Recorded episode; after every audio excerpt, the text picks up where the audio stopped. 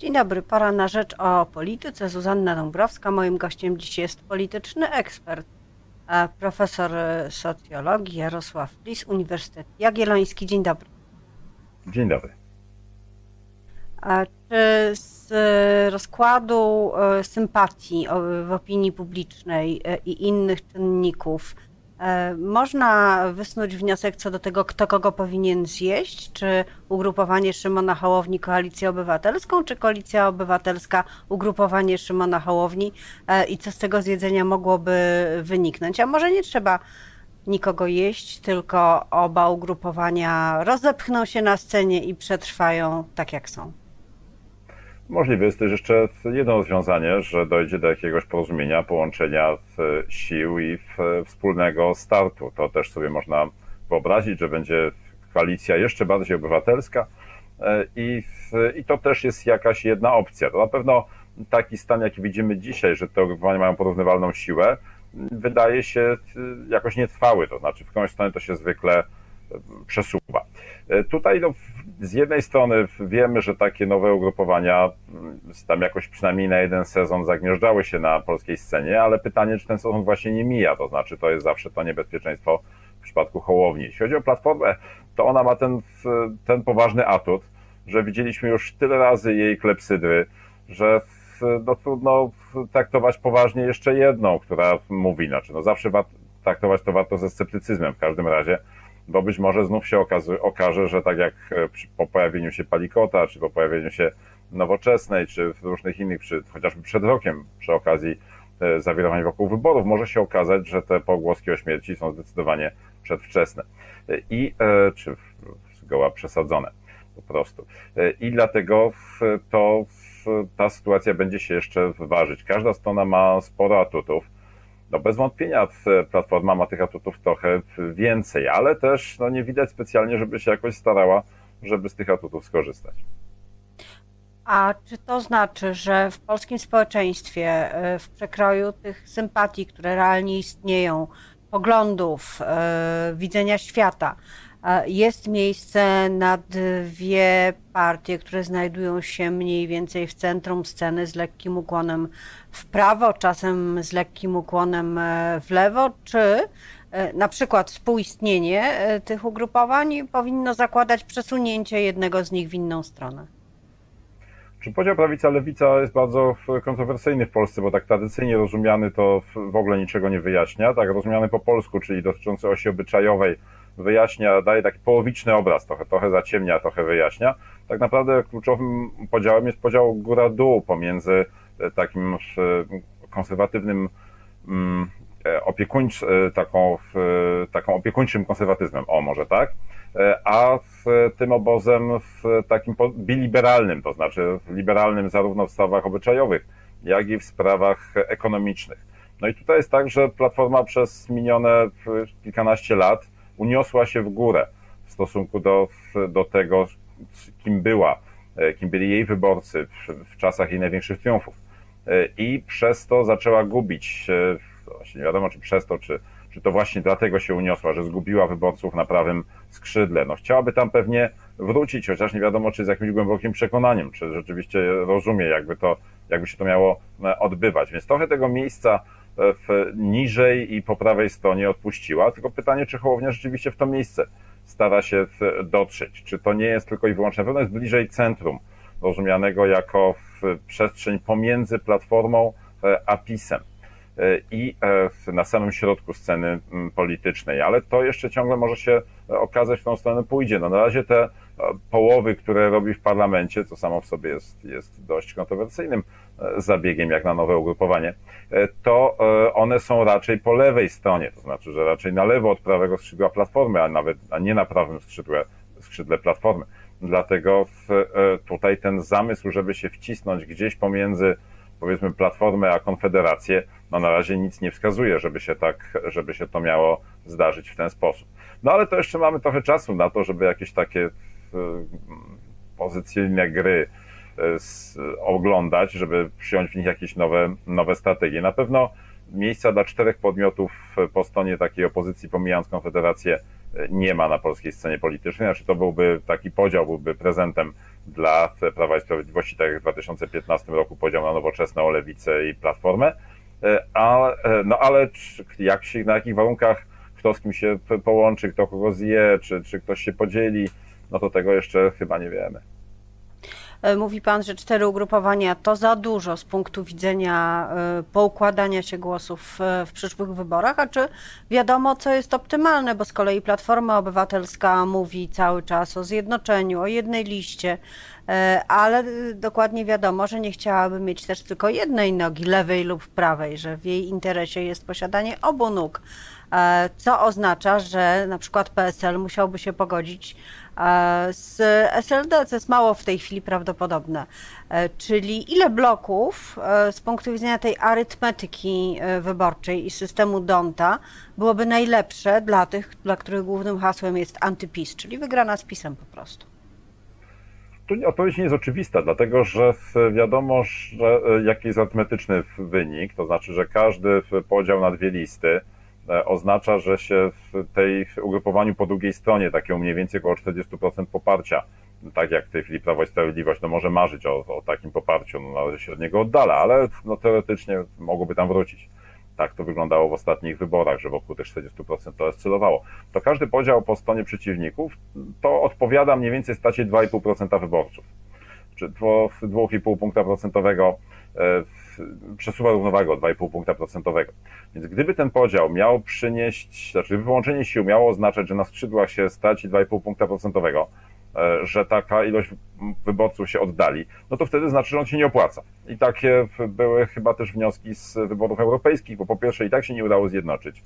To znaczy i tak tam Kukiz nie wszedł, nie, nie, nie, nie weszła partia razem, e, pojawił się jeszcze jeszcze do tego Biedroń. Więc, e, więc to się nie udało jako połączenie, a nawet te siły, które się połączyły, no nie były wystarczająco duże, żeby pokonać PiS. Więc to, e, to też jest jakaś, jakaś nauczka. Natomiast udało się w chwilę później, w 2019 e, roku, w wyborach sejmowych i gdyby nie tam jakieś właśnie 2,5% dodatkowe, to w sumie może nawet i mniej, to Prawo i Sprawiedliwość by utraciło większość. To w sumie troszeczkę tam się przemknęło różnymi, e, różnymi opłotkami. No widać, że w Senacie się nie udało. Znaczy, widać, że w Senacie takie połączenie sił e, było możliwe. No tylko pytanie, dlaczego, czy ono było możliwe tylko dlatego, że były wybory sejmowe, to znaczy, że ci, którzy e, kochali swoje partie, czy, czy chcą wyrazić swój, swoje stanowiska ideowe, zrobili to przy okazji wyborów do Sejmu, a w Senacie już wtedy mogli zagłosować taktycznie. E, I widać Bo w Senacie to... są wybory większościowe, panie profesorze, to jest inny mechanizm głosowania. Trzeba wybierać e, w sposób e, taki, który temu najgorszemu złu z naszego punktu widzenia jako wyborcy odbierze zwycięstwo w jednomandatowym okręgu. Tak, ale tylko w połowie okręgu udało się uzgodnić dwie kandydatury, gdzie naprawdę nie było wyboru, czy PiS albo nie PiS. I widać bardzo dobrze było, że w tej połowie okręgu, w których pojawił się trzeci kandydat, to e, natychmiast e, ta spójność obozu antypis pęka. To znaczy, że około e, jednej dziesiątej wyborców antypis natychmiast szuka innego kandydata, a wynik Prawa i Sprawiedliwości wcale się nie zmienia. To znaczy, że na, na wynik Prawa i Sprawiedliwości nie wpływa to, że się pojawił trzeci kandydat. Ten elektorat tam nie odpływa do tego trzeciego, no średnio. Tak, to wiadomo, że są pojedyncze przypadki, gdzie tak się stało, ale średnio nie odpływa.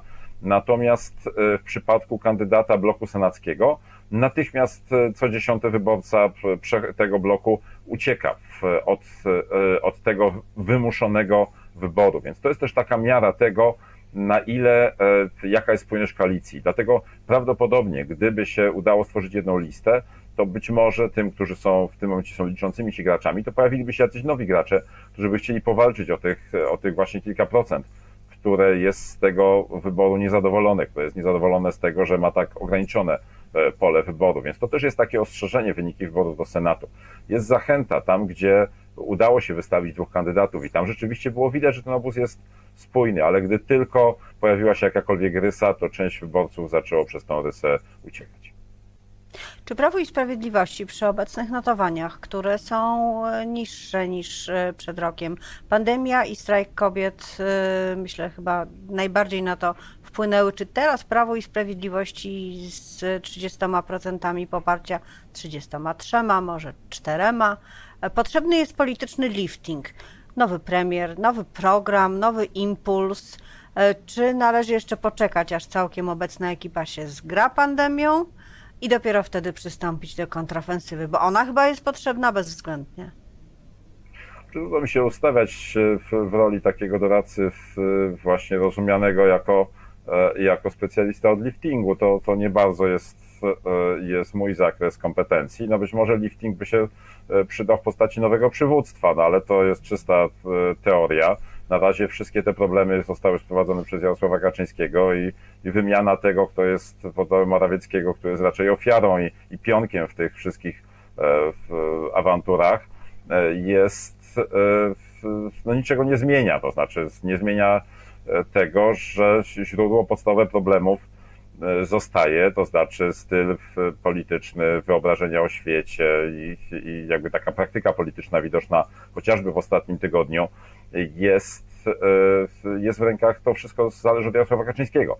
E, I, do, I, to nie jest tak, że on może to swobodnie zmieniać. No wiemy, że były różne pomysły na ocieplanie jego wizerunku i różne inne tego typu rzeczy. No wiemy, jak to się skończyło. No tam jakieś konta na Twitterze, na blogi, na, na Salonie 24. To, to wiele lat już to trwa i wiadomo, co z tego wychodzi, mówiąc krótko, nic. Ale także to e, może on oczywiście może się chować e, i, i wystawiać e, nowe osoby, ale ten manewr też już był parę razy zastosowany nie wiadomo, co z tego wyjdzie. Zresztą nie bardzo też widać kogoś, kto by się tam pojawił, no może Obajtek i tak dalej, ale to tak naprawdę widać też, że, że wszyscy już się przyzwyczaili do tego i to, to, te same metody nie działają. Widać, że te manewry z rozbijaniem partii, z, z jakimś wyjmowaniem ludzi, to one już tak nie działają. To znaczy, nie zadziałały na Solidarną Polskę, nie, nie zadziałały specjalnie na porozumienie. To, to jest, to, to widać, że to jest jakieś kręcenie się wokół własnego ogona. No właśnie, i doszliśmy do ostatniej kwestii, którą chciałabym dzisiaj z Panem omówić, czyli do tego, co się dzieje po prawej stronie, czyli konfliktu e, Jarosława Gowina z Jarosławem Kaczyńskim, czy też porozumienia z Prawem i Sprawiedliwością. Mm, I chciałam zapytać, czy Pana zdaniem e, porozumienie dorobiło się własnego elektoratu, własnego poparcia. My publikowaliśmy sondaż dotyczący osób, czyli ewentualnie tego, kto mógłby zostać premierem, i tam Jarosław Gowin ma drugie miejsce po Mateuszu Morawieckim, prawie 10% poparcia, Mateusz Morawiecki troszkę ponad 30% czyli jedną trzecią tego poparcia zbiera. Oczywiście chciałaby go opozycja bardziej niż PiS, to też trzeba dodać, ale pozycję ma. A czy porozumienie ma elektorat i mogłoby próbować jakiejś samodzielnej drogi? Czy samodzielnie to wydaje się bardzo mało wątpliwe, ale może się samodzielnie przełączyć do kogoś z większych podmiotów. No tutaj przykład Kukiza e, był taki charakterystyczny. Można powiedzieć, że Kukiz miał jakiś samodzielny, poważny elektorat. Wybory zarówno e, samorządowe w 2018, jak i e, europejskie pokazały, że to, jest, że to nie jest coś, co pozwala na jakąś samodzielną pozycję. Ale jednak te, te głosy, czy ta opcja dodana do PSL-u uratowała tą partię, to znaczy dała jej 8%, bardzo dobry wynik, no tam trochę mandatów trzeba było kukizowcom e, oddać, ale generalnie chodzi o to, że nie ma tak zwanego spoilera, to znaczy kogoś, kto sam nie wygra, e, ale może odebrać zwycięstwo komuś. I wiadomo, że pozycja Jarosława Gowina wynika z tego, że jest właśnie takim spoilerem, to znaczy z kimś, kto y, jest w stanie bardziej zaszkodzić niż zbudować swoją pozycję, że lepiej go mieć po swojej stronie niż przeciwko sobie. Y, I to jest pozycja negocjacyjna, to nie jest pozycja związana z, z jakimś właśnie zbudowaniem jakiegoś zupełnie nowego ugrupowania o samodzielnej pozycji, ale to jest taki odważnik, który no może nie jest największy, ale może przeważyć szale. I stąd dzisiaj te, te manewry. No i też widać, że ci ludzie, których wokół siebie zgromadził, oni już też wiedzą, że jak przejdą do, do PiSu, to już to tam znikną, po prostu będą, już zawsze będą tacy jak Morawiecki, to znaczy nikt, nikt im nie będzie ufał. No przykład Morawieckiego, o którym po prostu od iluś tam lat już, no jest jednak źródłem sukcesów Prawa i Sprawiedliwości, zwycięstwa w wyborach parlamentarnych, zwycięstwa w wyborach prezydenckich. E, był tego twarzą, pracował tam bardzo ciężko, a i tak nikt go nie uważa za swojego. E, jak we wszystkich wypowiedziach kuluarowych pojawia się to jako główny zarzut, w związku z czym no widać, że ci ludzie, których tam wciągnął Gowin e, w 2019 do Sejmu, to oni też wiedzą, że oni już nigdy nie będą swoi w PiSie. I to jest jeden z problemów tej partii, to znaczy to, że ona ma przeczulony identyfikator swój obcy i z tym wiążą się jej wewnętrzne kłopoty. Dziękuję bardzo za tę analizę i życzę i panu i wszystkim widzom miłego politycznego nowego dnia. Moim gościem był profesor Jarosław Flis, Uniwersytet Jagielloński. Dziękuję.